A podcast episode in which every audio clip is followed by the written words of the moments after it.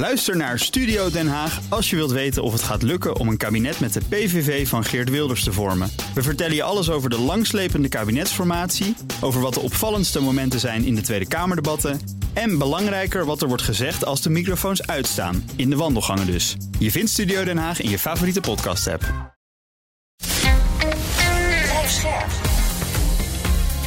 BNR Nieuwsradio. Boekenstein en de Wijk. Mark Beekhuis. Welkom bij Boekenstein in de Wijk. Het is dinsdag, dag 489 van de Russische oorlog in Oekraïne. En uh, Arend-Jan, Rob, goed dat jullie er weer zijn. Ja.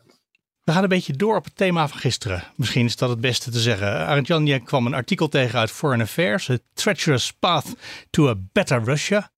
En dat gaat over de positie van Vladimir Poetin. Is die verzwakt? Uh, hoe erg verzwakt is die? En welke scenario's zijn er in het geval die aanblijft of juist toch het veld moet ruimen? Kan jij hem verder nog even samenvatten?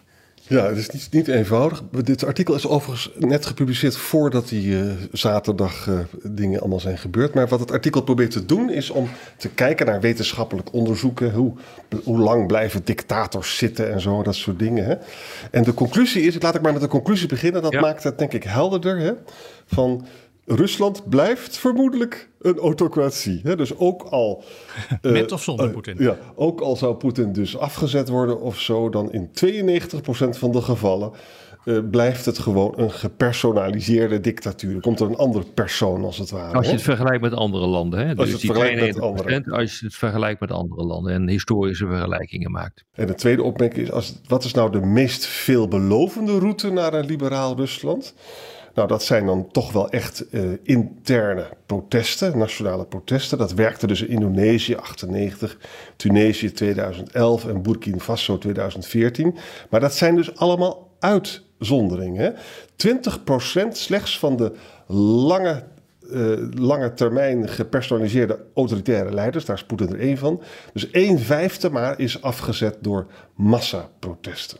Ja. Nou, is er een kans op in Rusland? Nou ja, het is natuurlijk zo dat Kremlin steunt disproportioneel op soldaten van Tsjetsjenië, maar ook van afgelegen provincies als Buryata en Tuva, Gabarovsk. En, en, en, en dat betekent dus wel dat die mensen hebben veel last van die oorlog en kunnen dat ook uh, aangrijpen om in opstand te komen. Dat is dus weer een. Maar, maar de percentages, dat dat kans dat het gebeurt, moet niet al te groot worden uh, aangeslagen. Hè? Nou ja, ik vind, dat, ik vind het wel een interessant punt. Het is uh, lastig te lezen hoor, dat geef ik uh, toe, want ja. het staat vol met cijfers. Maar het, het is een, een heel goed tegenwicht tegen al diegenen die roepen. Oh, maar er komt een paleiskoep. Ja. En er komt de democratisering dan op gang. En oh, de mensen komen wel in opstand. En zijn entourage laat hem wel vallen. Ja. Hieruit blijkt gewoon cijfermatig onderbouwd dat dat gewoon niet zo is. En uh, de conclusie is, feitelijk, Rusland zal autoritair blijven of er moeten wonder geschieden. Ja. daar komt het feitelijk, daar, komt, daar komt het feitelijk op neer. En uh, ja, die cijfers zijn inderdaad, uh, die zijn inderdaad heel bijzonder. Zo staat er ook nog een, een ander cijfer in. de, de gemiddelde dictator heeft, is 20 jaar lang aan de leiding. En is gemiddeld 65 jaar oud. Poetin is 70 en 30 jaar lang aan, uh, uh, aan, de, aan, de, aan de leiding. En 40 jaar gaat gewoon dood terwijl hij nog in het zadel zit. Dus uh, uh, 60% niet, maar 40% wel. En wat ook heel interessant is in dit stuk van. Uh, het, het Poetin-systeem is eigenlijk niet, niet alleen een personalized autocracy, maar ook nog een established autocracy. En daarmee bedoelen ja. ze dus dat hij alles, weet je, als jij dus een, een oligarch bent, of je bent een lid van de economische elite of van de partij of wat dan ook, hè, alles gaat via Poetin. Hè? Nou, in dat soort systemen is het zo, hoe langer je aan de macht bent, hoe langer uh, zo'n established autocraat aan de macht is, hoe moeilijker het wordt om af te zetten. Omdat al die mensen van hem afhankelijk zijn. Hè? Het is ja. natuurlijk nog, nog wel even wat anders, dat moeten we nog even expliciet zeggen. We hebben dus nu zaterdag meegemaakt dat Poetin voor het eerst in 23 jaar er gewoon echt heel slecht op stond. Hè? Want er ging gewoon een hele militair konvooi, rukte heel erg op. Dus dat kan dat kan het dus anders maken. Maar als je mm -hmm. naar de cijfers droog kijkt, dan is het echt zo dat, de, dat, dat, dat die kans wordt, afgezet is niet groot. En het is ook nog eens een keer zo dat als dat wel zou gebeuren, dan blijft dat Russie. Dat, dat, dat, dat gaat niet zomaar democratiseren. Dat komt eigenlijk heel weinig. Uh, ja, ik denk dat je dat gewoon echt moet vergeten. Ja. Maar uh, het, het, het feit is natuurlijk ook dat heel veel uh, mensen zeggen: van, nou, als die oorlog verliest, dan zal hij ook wel opstappen. Dat is dus ook niet zo, hè?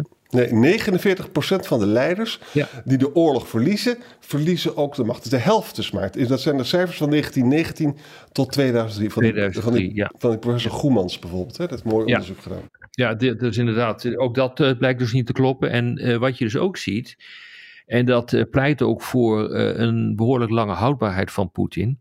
Als een leider repressie toepast, als hij dat steeds harder gaat doen, dan wordt hij daar ook steeds minder terughoudend uh, mee. Op een gegeven ogenblik gaat hij er echt gewoon overal uh, op, slot, op losslaan. Stuurt hij zijn veiligheidsdiensten overal op, uh, op af. En je ziet natuurlijk bijvoorbeeld wat er met Navalny gebeurt. Dat is pure repressie. En de ene fake proces naar het andere wordt uh, uh, zien we. En ja, dat betekent dus eh, gewoon dat hij op deze manier ook af kan rekenen met iedereen die, die hem dwars zit. En dat hebben we ook gezien bij deze oorlog, die geen oorlog mocht heten, maar een speciale militaire operatie. En als je dat, als je toch oorlog noemde, dan werd je ook de bak ingeschopt. En dus dat is echt een, werkelijk een geweldig probleem in zo'n land. Waar een leider zich steeds autocratischer gaat Want als je eenmaal met repressie begint, kan je daar niet mee stoppen, want dan toon je zwakte. Dus moet je daarmee nou, doorgaan.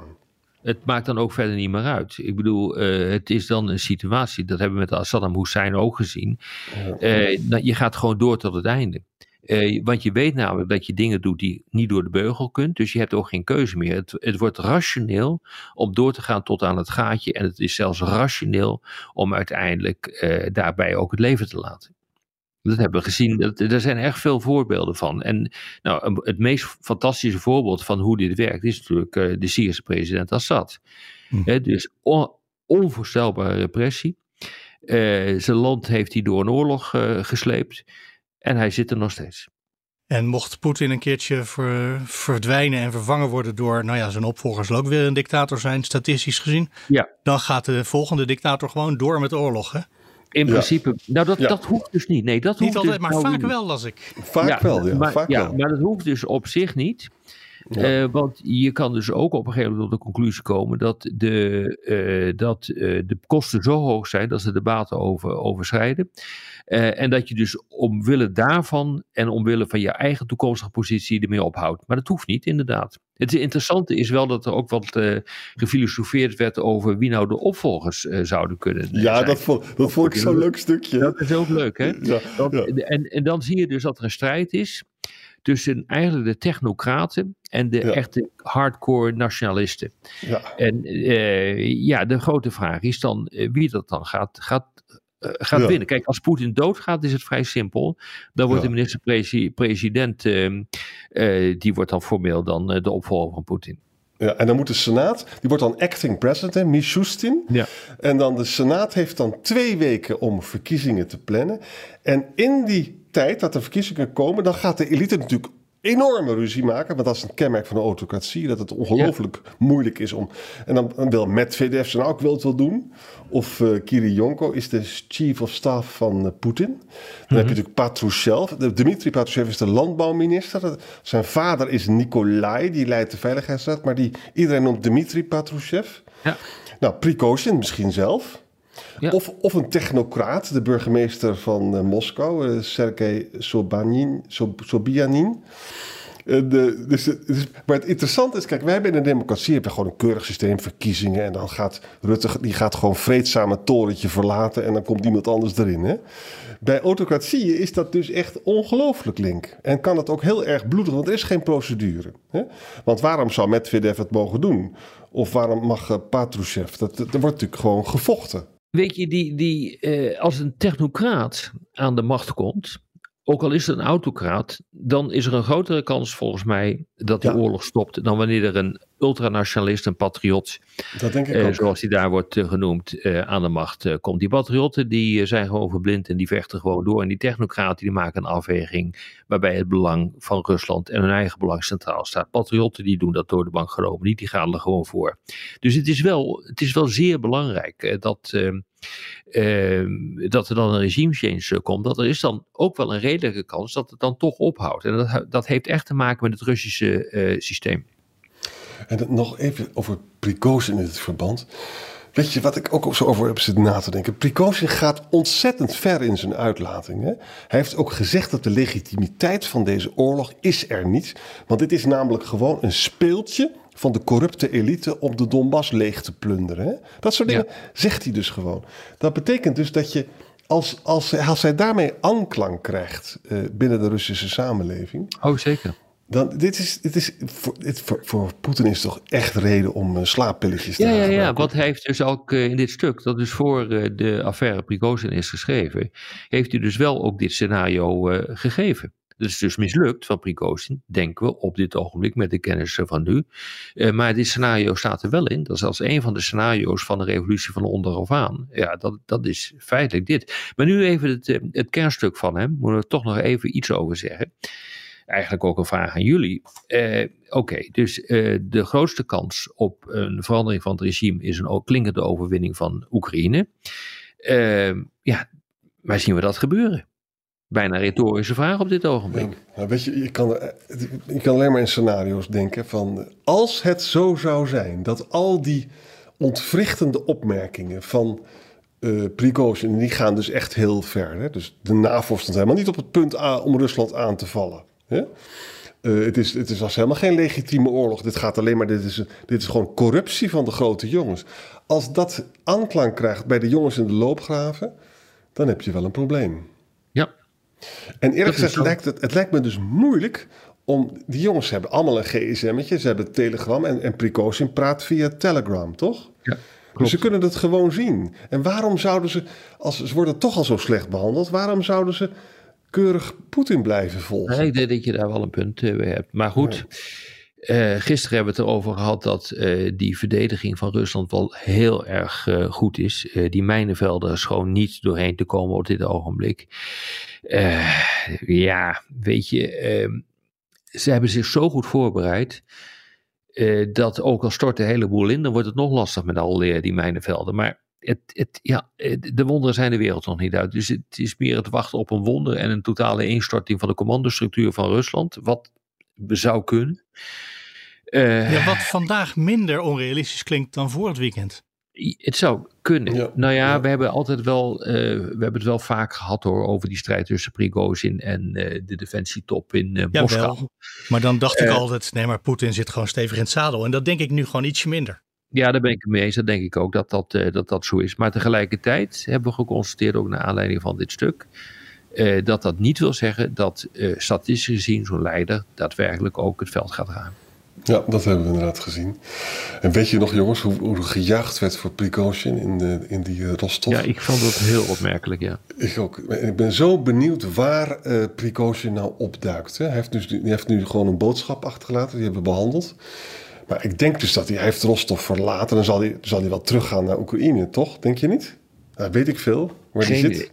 Maar Of dat Afrika. staat, het kan dat alles staat in ieder geval niet in dit stuk. Dat moeten we Nee. morgen maar eens even bekijken.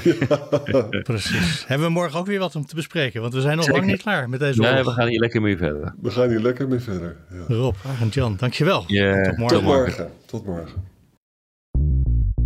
Bij BNR ben je altijd als eerste op de hoogte van het laatste nieuws. Luister dagelijks live via internet. Bas van Werven. En heel langzaam komt de zon op rond dit tijdstip. Je krijgt inzicht in de dag die komt op BNR, het Binnenhof in Nederland en de rest van de wereld. De Ochtendspits. Voor de beste start van je werkdag. Blijf scherp en mis niets.